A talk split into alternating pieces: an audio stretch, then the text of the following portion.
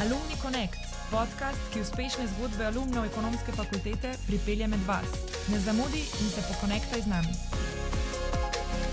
Danes z nami Blaž Brodnjak, predsednik uprave Nove Ljubljanske banke.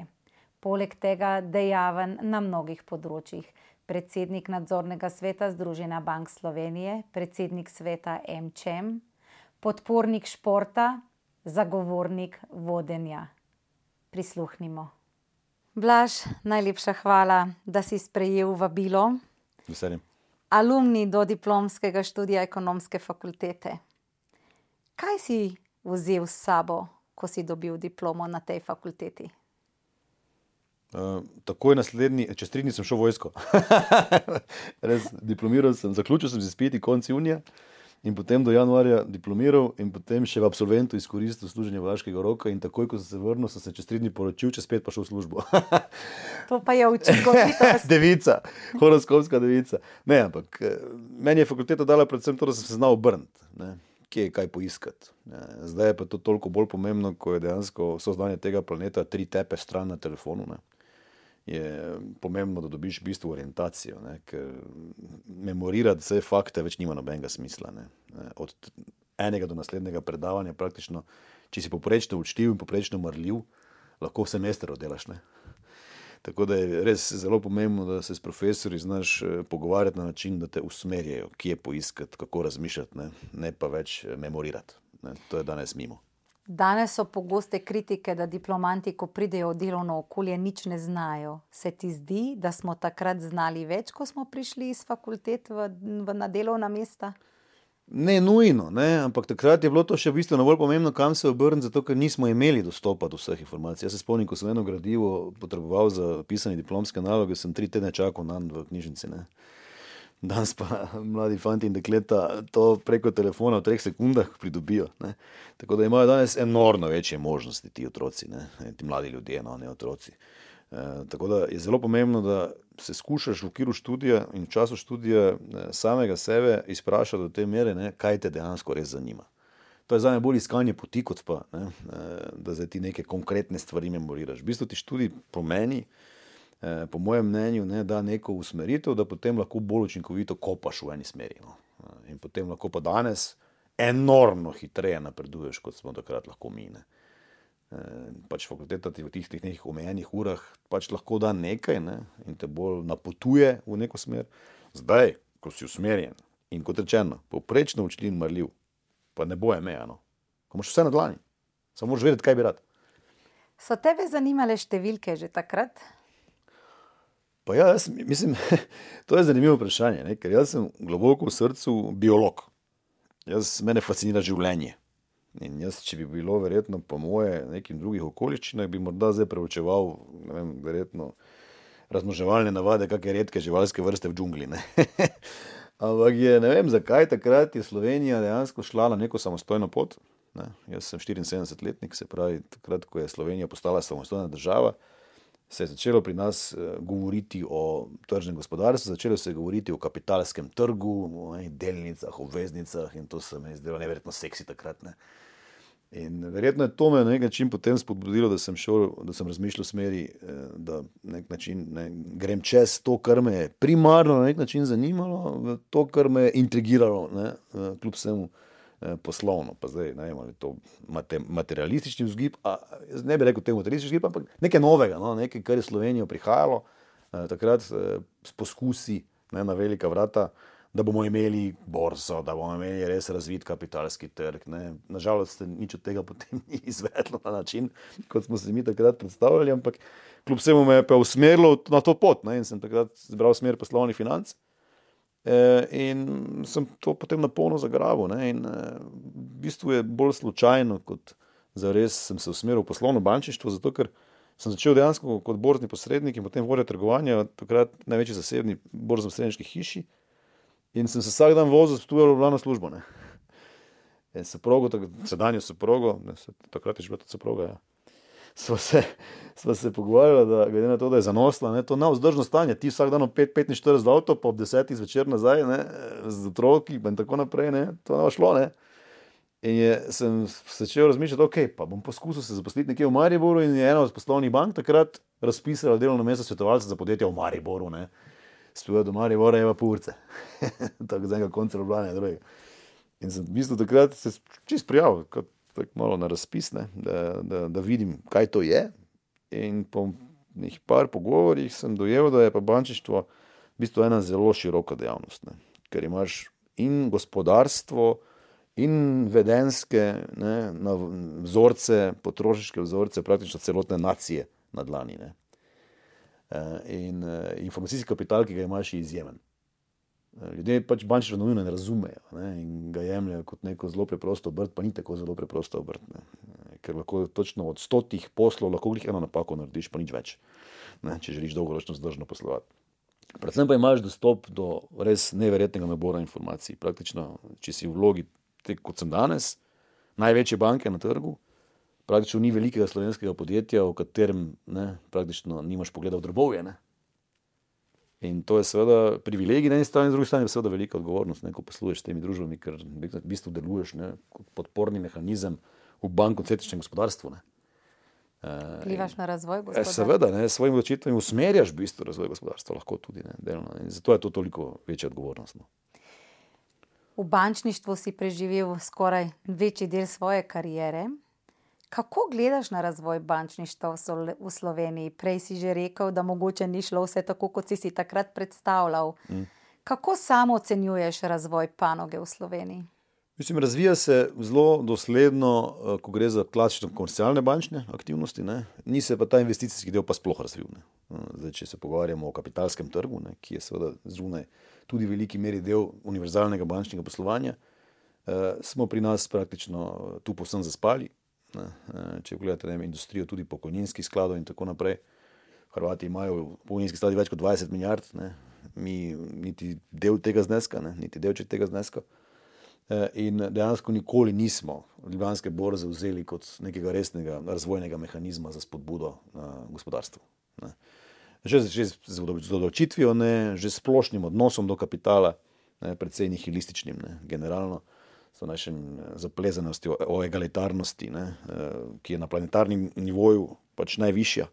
Ne. Če pogledate Virginijev koeficient, ali če pogledate generalno razmere v tej državi, ne, se imate za ston šolstvo, se imate ne, zelo zmernih, ne, zdaj, ali je dostopno, ali je drugo vprašanje, slabo organizirano, ampak zdravstvo načeloma je, ne, je ugodno, ne, eh, dostopno in tako naprej. Ne. Eh, Je to nekaj, kar je seveda zelo visok standard, ne, tako solidarnostnih nekih pogledov na življenje, kot seveda socialnega statusa. Ne. In v tem smislu jaz trdim, da je Slovenija tudi vzorno demokratično urejena. Se pri nas, ko se volitve zgodijo, pride do mirnega prenosa oblasti, brez nekih velikih frikcij in obračunava na cestah in podobno. Ne. Ne, nedavne volitve so bile tudi tak primer, ne. se je prišlo do pomembnega preobrata, ampak se je, je potem na nek način imamo demokratično strukturo, ne, ker stranka s 4,6% na podporo zaseda tri ministrstva in nam kreira življenje, kreira življenje praktično. Ne. Se pravi, če smo nekje demokratični, smo tukaj demokratični. Ne? Čeprav lahko imamo različne poglede, ampak eh, za ti praktično manj kot 500 podporo lahko ne, pomembno vplivaš na delo oblasti. Ne? Eh, In eh, v tem smislu je to nekaj, kar pač je zelo specifično. In Slovenija je raj na zemlji, jaz to vedno trdim, mora biti pa ambicioznejša in pogumnejša in bomo pač absolutno najuspešnejša, pa vzorna, vzorno urejena lahko evropska družba. Um, če se samo malček vrnemo nazaj na bančništvo, enkrat sva se pogovarjala in si o vstopu zadnje OTP banke na slovenski trg, in takrat si rekel, da gledaš to kot pozitivno, da bo enostavno manjše število bank in je to za lahko bolje urejen bančni trg. Lahko malček več poveš o tem.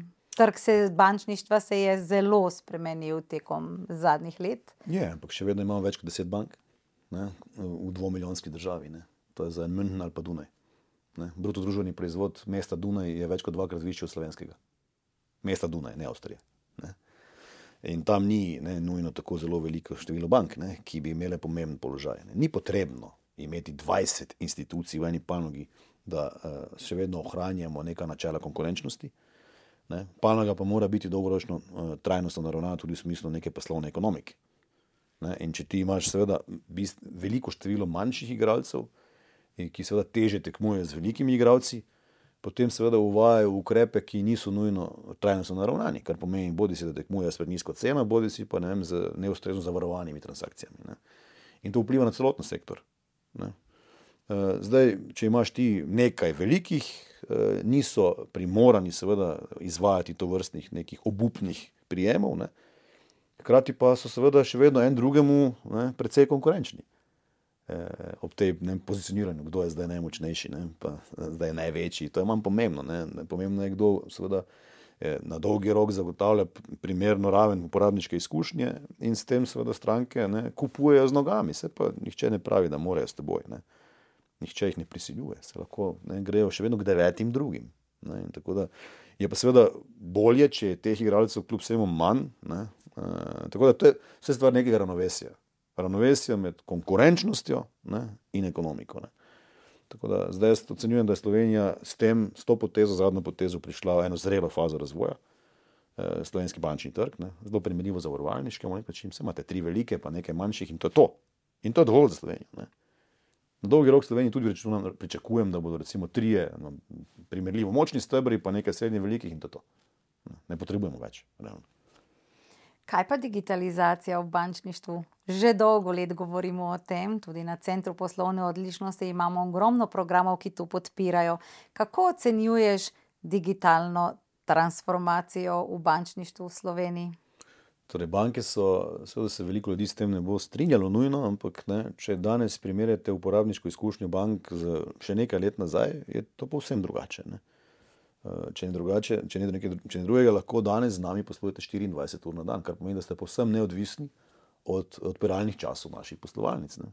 Preko kontaktnega centra lahko katero koli transakcijo z nami v bistvu pripeljete do zaključka z izplačilom denarja vred ali pa z drugo posredstvo, brez da bi s komerkoli, eh, praktično brez da bi bili primorani priti fizično v poslovalnico in podpisati list papirja. Vi danes podpisujete digitalno z biometričnimi atributi preko mobilne aplikacije. Pravi, govorite z nekom v kontaktnem centru in podpišete praktično preko telefona, in pogodbo dobite, dobite po mailu, in lahko natisnete ali pa tudi ne. ne? Eh, posel se pa konča, kar pomeni, dobite posojilo do 35 tisoč evrov, zročijo se do 7 let preko mobilnega telefona v petih minutah z denarjem na računu ob dveh po noči, odkudarkoli na planetu. Potrebujete samo prenos mobilnih podatkov. Ne? To je za me revolucija uporabniške izkušnje, da lahko vi z video identifikacijo izvedete kakršno koli transakcijo z banko, samo enega posla na ta način omogočamo in to je hipotekarno zavarovano stanovansko posojilo. Zato, ker seveda so potrebni dodatni koraki, pa notarski zapisi in podobne stvari. Ne. Sicer pa je praktično z mobilno aplikacijo mogoče, ne, zdaj eh, ponujajo že banke, ne, tudi to možnost, da lahko ne samo potroško posojilo, tudi limitne transakcije na računu, kartični recimo limit in podobne stvari uredite preko mobilne aplikacije, brez da bi sploh ne, bilo potrebno s komerkoli govoriti. So koraki od začetka do konca ne, izvedeni na mobilnem telefonu in posel praktično uveden, se pravi aktiviran, brez da s komerkoli govorite in brez da podpišete papir. To je za me revolucija. Ne. Govorijo o finančnih, tehnoloških podjetjih, pa kaj pa je to drugo kot finančna tehnologija. Ne. Banke so finančno-tehnološka, fintech podjetja od pojave bankomatov. Ne. Mi samo nismo zaradi bodi si neprimerljive zakonodaje smeli odpreti online računa, kot ga je lahko kakšna druga banka iz tujine, slovenskemu državljanu, ne? ker video autentifikacija ni bila dovoljena na ta način. In smo bili morali biti počasnejši, in smo seveda za to nekaj računali, oni pa niso, ampak so ugotovili, da je to nevzdržno, da ne računajo, pa zdaj že kar nekaj računajo. Ne? Zdaj, ali ponujaš vem, Apple Pay, pa Google Pay, pa oni ga pa ti še ne, ne, mi ga tudi bomo do konca tega leta. Ne? In potem realno, kakšna pa bo razlika? Praktično bomo izenačili standard finančno-tehnoloških podjetij. Ne? In uh, osnovna naloga klasičnih, tradicionalnih ponudnikov bančnih storitev je bila vedno izenačiti uporabniško izkušnjo. Sicer pa potem, ko ti izenačiš uporabniško izkušnjo za parcialne storitve, ki jih ponujajo finančno-tehnološka podjetja, običajno ponujajo celotne palete storitev. Ponujajo ne, učinkovito plačevanje, pa ne tudi kakšne kripto stvari, ki jih mi nikoli ne bomo, ne, ker tudi skušamo delovati kot mentor. Ne, ne kot nekdo, ki pač omogoča, da karkoli je mogoče, potem pa ljudje so deležni izgub, pa bom jaz kriv, ko sem to omogočil. Ne. E, tega ne bomo nikoli počeli. Mi ponujamo pa seveda univerzalno paleto finančnih storitev. Ne samo odprtje računa in seksi metalno kartico, kovinsko kartico, jaz trdim, da je lahko digitalno, da sploh ne rabi več. Ne. Ni potrebno, da je kakršni koli plastificirani ali pa ne, ne, kovinski obliki. Ponujemo pa tudi stanovansko posojilo, ponujemo pa tudi dolgoročne oblike vrčevanja ne, eh, in tako naprej. Se pravi, eh, ponujemo celotno paleto univerzalnih finančnih storitev z zavarovanji vred. Ne. življenjskimi in takimi in premoženskimi, in lahko na enem mestu vse uredite praktično. Ne. In zato, če smo konkurenčni pri uporabniški izkušnji, je še vedno za nami ugodno poslovati, kot da imate deset ne, eh, partnerjev, s katerimi sodelujete. Ne. Z enim počnete to, z drugim to, s tretjim to, s četrtim pa to.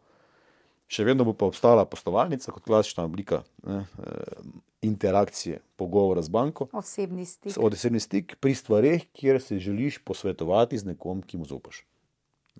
Če gre za večje posle z dolgoročnimi posledicami, se želiš običajno malo pogovoriti, preden 100 tisoč evrov nekam nakažeš. Ne.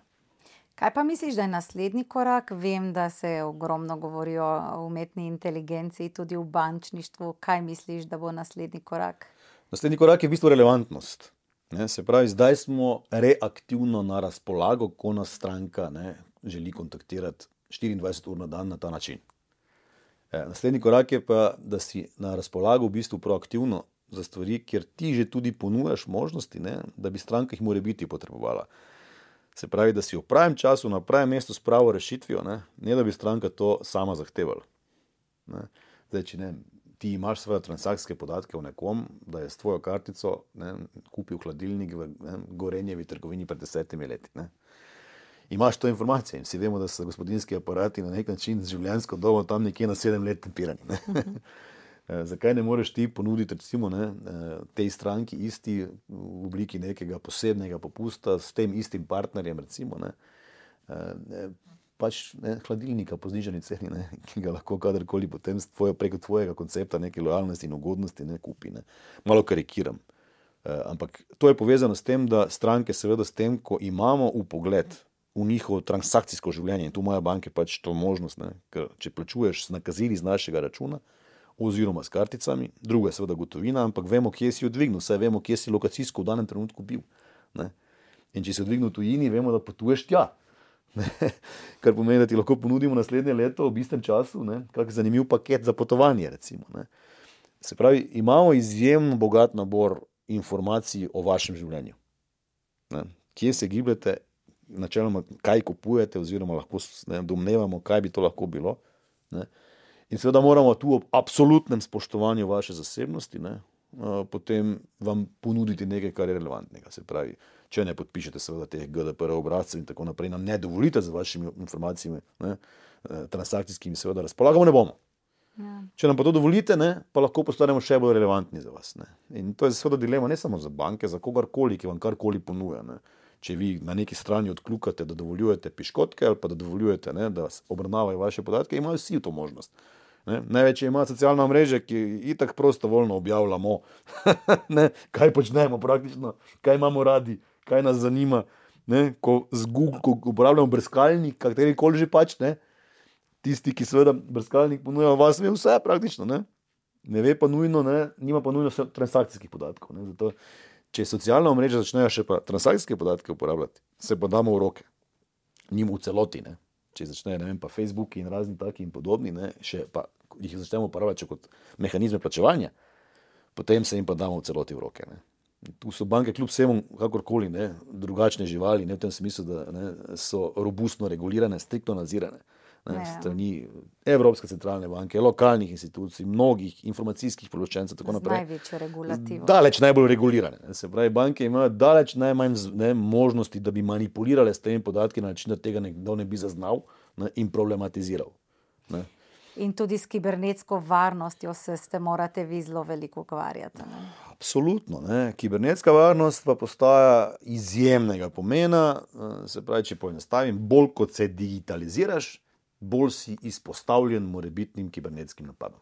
Ne? Eh, več kot, storit, več kot ponujamo teh storitev preko mobilnega telefona, ne, eh, interneta, ne, kakih drugih kanalov, večje možnosti seveda obstajajo, da nekdo udre v te sisteme ne, na tak ali drugačen način in pride do kompromitiranja podatkov, se pravi do kraje ali pa zlorabe osebnih podatkov.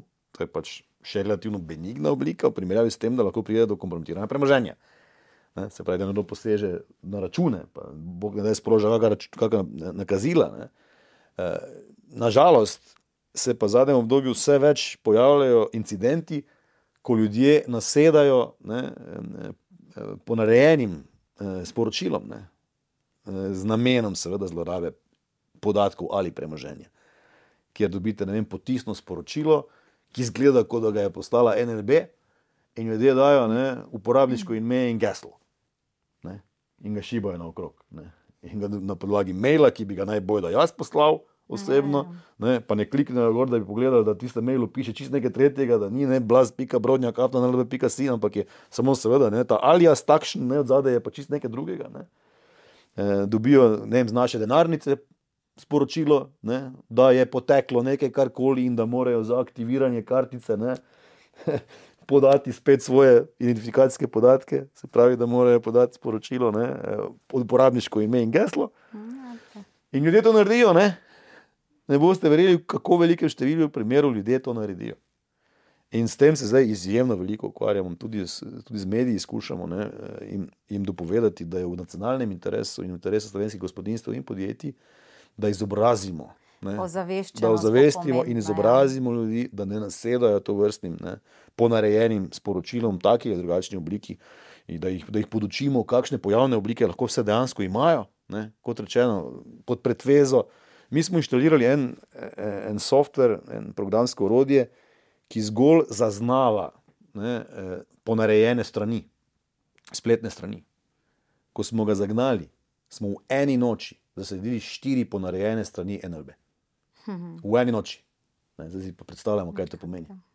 Ne.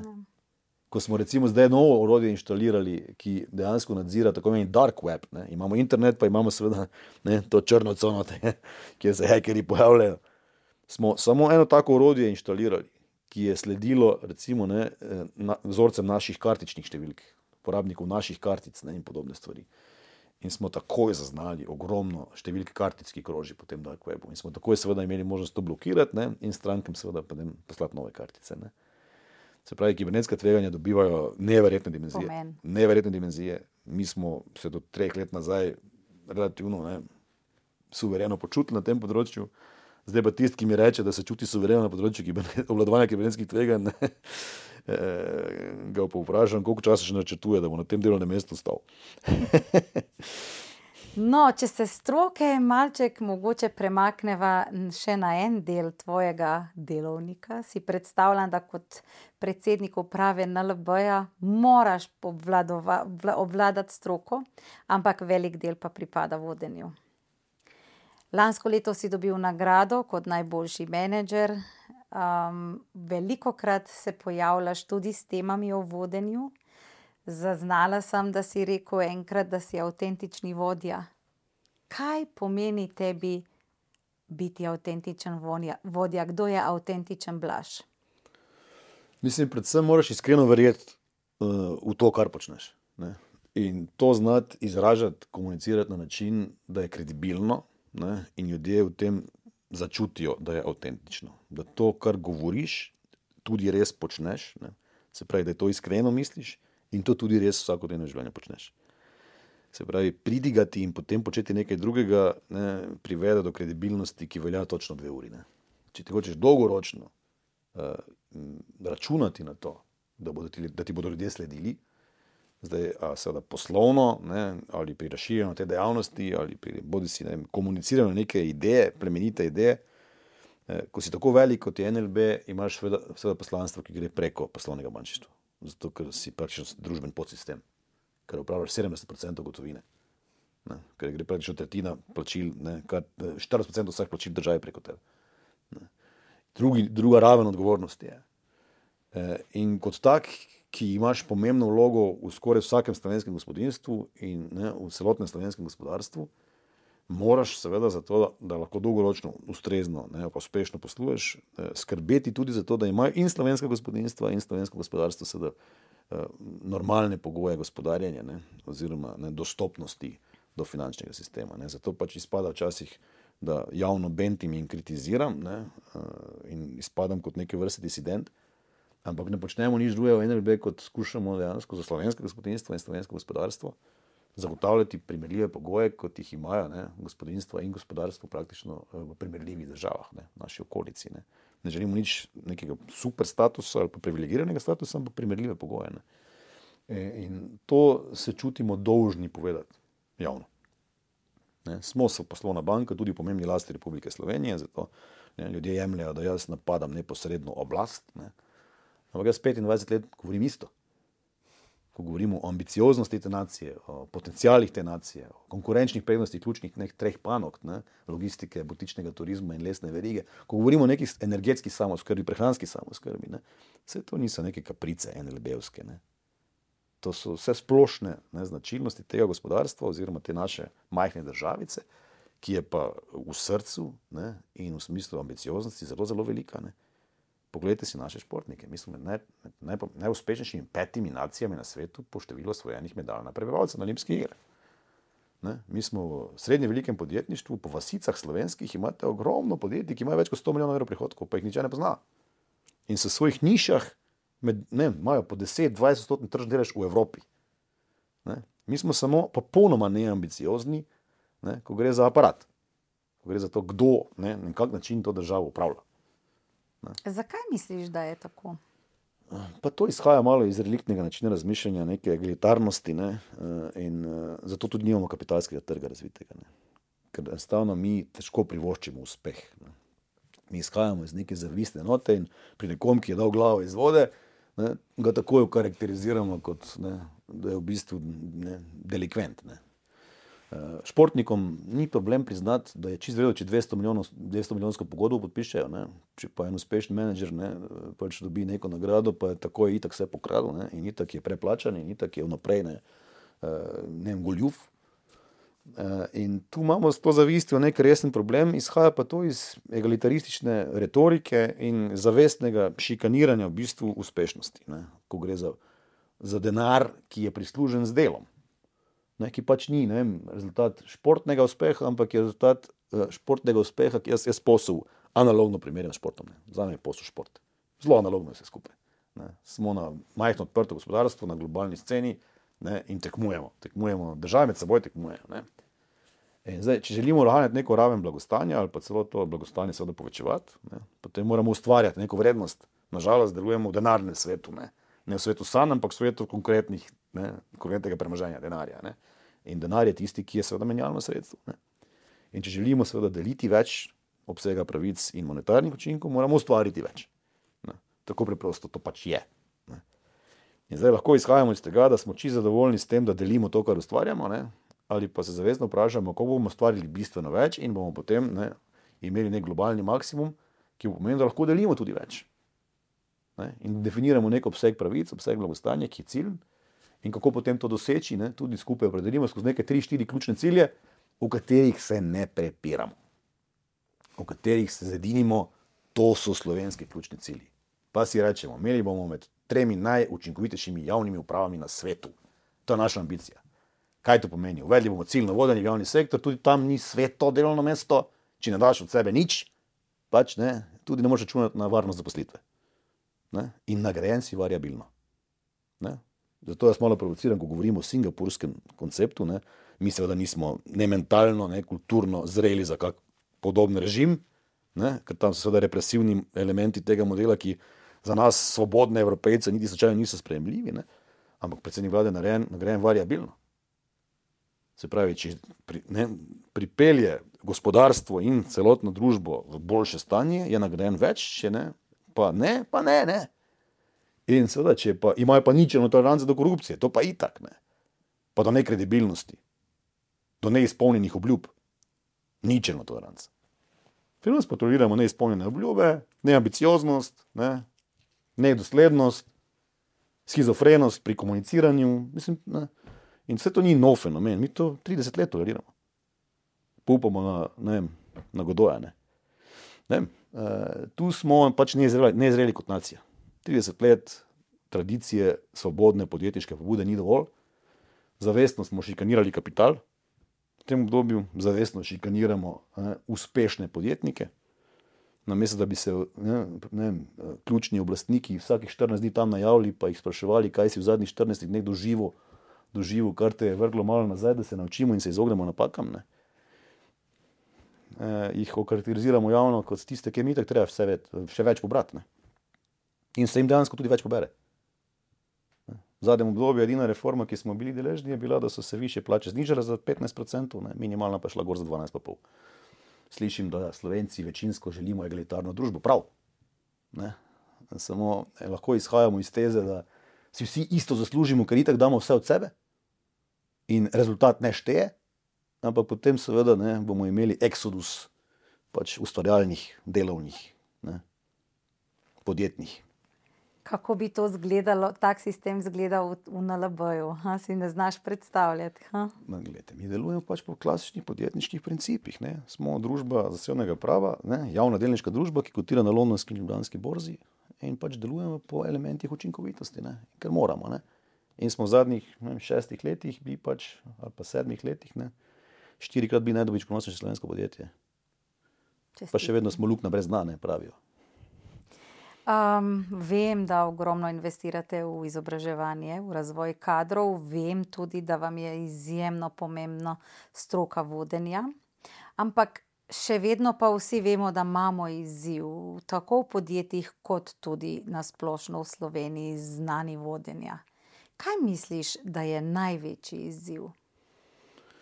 Jaz mislim zaprtost. No. Uh, poglejte si recimo samo, samo uh, strukturo narodnosti zaposlenih v najpomembnejših slovenskih družbah v zadnjih 30 letih. Koliko družb je imelo mednarodno zaseden management? Pa se dotakniva največjih slovenskih sistemov, največjih deset slovenskih podjetij, samo NLB. Mi smo avtartični, mi mislimo, da znamo vse sami najbolje in največ. Ne, nismo odprti na, na zunanje znanje ne, in na, Se in na različnost. bojimo? Jaz mislim, da smo, da smo ne, rahlo ksenofobni na eni strani, na drugi strani pa mm, želimo pač mi to centralno malo nekaj upravljati. Ne. Eh, Kar se tudi da v končni fazi, ne, ampak je treba ne, razumeti, da tekmujemo globalno. In da če želimo biti uspešni in želimo tekmovati s kakovostjo, ne s ceno, ker če tekmujemo s ceno, bomo zacementirali nizke plače, ne, se pravi, smo primorani tekmovati s kakovostjo. In če vemo, da je Švica vem, država, ki druga največ na tem planetu vlaga v raziskave in razvoj, pa je razvojna že nekje drugje. Ne? Eh, In seveda želimo tekmovati z znamko Made in Switzerland, potem potrebujemo mi tu talente, ki znajo več od onih švic, ki so sposobni razviti ne, rešitve, izdelke in storitve, ki bodo lahko tekmovali ne, ob boku s švicarskimi. In za isto ceno bodo morali biti 20% kakovostnejši če nam tega ne bodo pripoznali. Ne? Se pravi, imamo največje talente in tu je seveda pomen znanja tako, ne, tako velik. Zdaj, ali imamo šolski sistem, ki jih ne, bo izobrazil, jaz se pa bojim, da ne, ni šolski sistem dovolj. Ker če jih izobrazi in imamo takšen davčni sistem, kot ga imamo, jih izobražujemo za tujce. Ker bo šli v tujino, oziroma bodo doma, danes po koroni, z novo paradigmo, delali za ameriška in Doma. nemška podjetja od doma. Ne? To zelo narašča. Ja, seveda, pa se je logično. Pa poglejte, v Zagrebu je pri moji bruto plači 50% višje net, višje neto izplačilo. Imajo spodbude za digitalne nomade, ne, posebne, in imate v vasici v Istri 3000 informatikov, mi pa v Sloveniji najdemo tri. In smo v Srbiji primorani ne, razvijati eh, storitve oziroma rešitve za, naš, za našo skupino. In tu je glavni izziv, ki ga ne razumejo ne, nekateri, ki v tej družbi želijo uveljavljati neke ekonomske politike. Sposobni bodo delali za druge, ne, in če tu ostanejo, hvala Bogu, bodo vsaj trošili doma. Večji problem pa je, če jih tu najdemo dovolj, zato ker se tudi geografsko celijo, oziroma ker jih potrebujemo več, kot jih naš izobraževalni sistem sproducira. Ne, še posebej zdaj govorimo o informatikih, ne, razvojnih kadrih z IKT tehnologijami. Ne. Ja, Smo mi primorani pač razvojni center postaviti v Beogradu. Ne. In če mi razvojni center postavimo v Bre- Beogradu, mi ne bomo zato trpeli. NRV se bo razvijal, pospeševal naprej. Ne? Samo ti ljudje bodo živeli v Beogradu in trošili v Beogradu. To niso delovna mesta v Ljubljani. In to bo šlo tudi za druge ne? razvojne mehanizme v tej smeri. Za enim proizvodnim podjetjem eh, govoril, ki je zelo blizu Hrvaške meje doma, ne? ima sedež, pet minut. In razmišlja, da bojo prezaposlili vse inženirje na Hrvaško. In to je zelo preprost manever. Samo zaposlijo jih tam. Sto družb je, po mojih informacijah, v tem trenutku v fazi procesu, v procesu presojanja preselitve sedeža družbe na Hrvaško. Upam, da bo kdo poslušal tudi ta podcast. Um, mogoče se pomikamo proti zadnjemu delu. Uh, moram, moram vprašati še za eno stvar, to je tvoj hobi. Uh, vem, da jih imaš več, ampak vseeno si prej omenil, da si po srcu biolog in zdaj vem, kje sproščaš to biološko žilico, verjetno v tvojem, v tvojem nasadu trd. Bi lahko kaj več povedal o tvojem novem podjetniškem podvigu familije? Mislim, to ni moj podvig, ne. to je družinski podvig. Jaz sem tu v bistvu bolj malo spiritus agens, ne, pa finančni pokrovitelj. Gre za to, da pač skušamo v Halozah kot družina na demografsko ogroženem območju razviti eno lepo zgodbo eh, celotnega ekosistema, lokalnega ekosistema, ki bi razvijali praktično 20-30 kmetij. Ne, ne, ne samo naše vinogradniško živinorejske zgodbe, imamo tu če do 15 glav škotskega višinskega goveda, trajnostno zre, zre, zrejenega, za certifikati vsemi ekološkimi.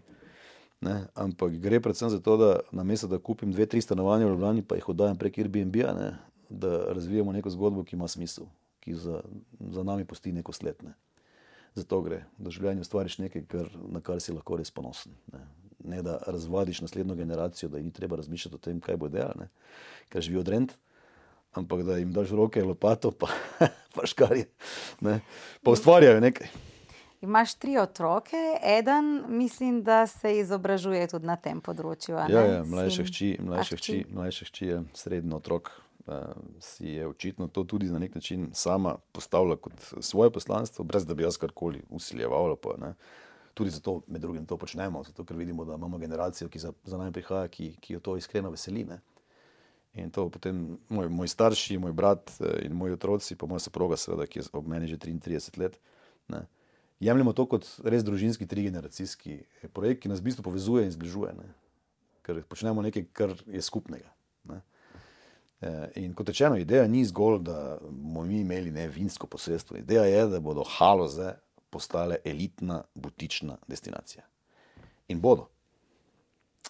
Upam, da vas bomo lahko kje podprli tudi prek SRIPTA projekta, ki ga vodimo na ekonomski, na Centru poslovne odličnosti. Um, kakšen je potem tvoj idealen vikend, Blaž? Pa to je težko reči, zdaj je odvisno. V kakih okoliščinah.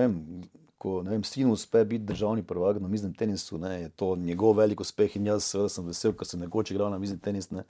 Pa se on spet sam odločil za to, naslednjič pridem in ograd, pa ne, je vse kot štima vem, spijem kozarec našega vina, pa se mi zdi, da je res tisti dan res dobro. Male stvari v življenju naredijo veliko razliko. No. Male stvari v življenju naredijo veliko razliko. Včasih pa enostavno ležim pač 4 ure, da se regeneriram, zato ker enostavno ne je bilo po 3 tedne, ko se nisem uspel naspati.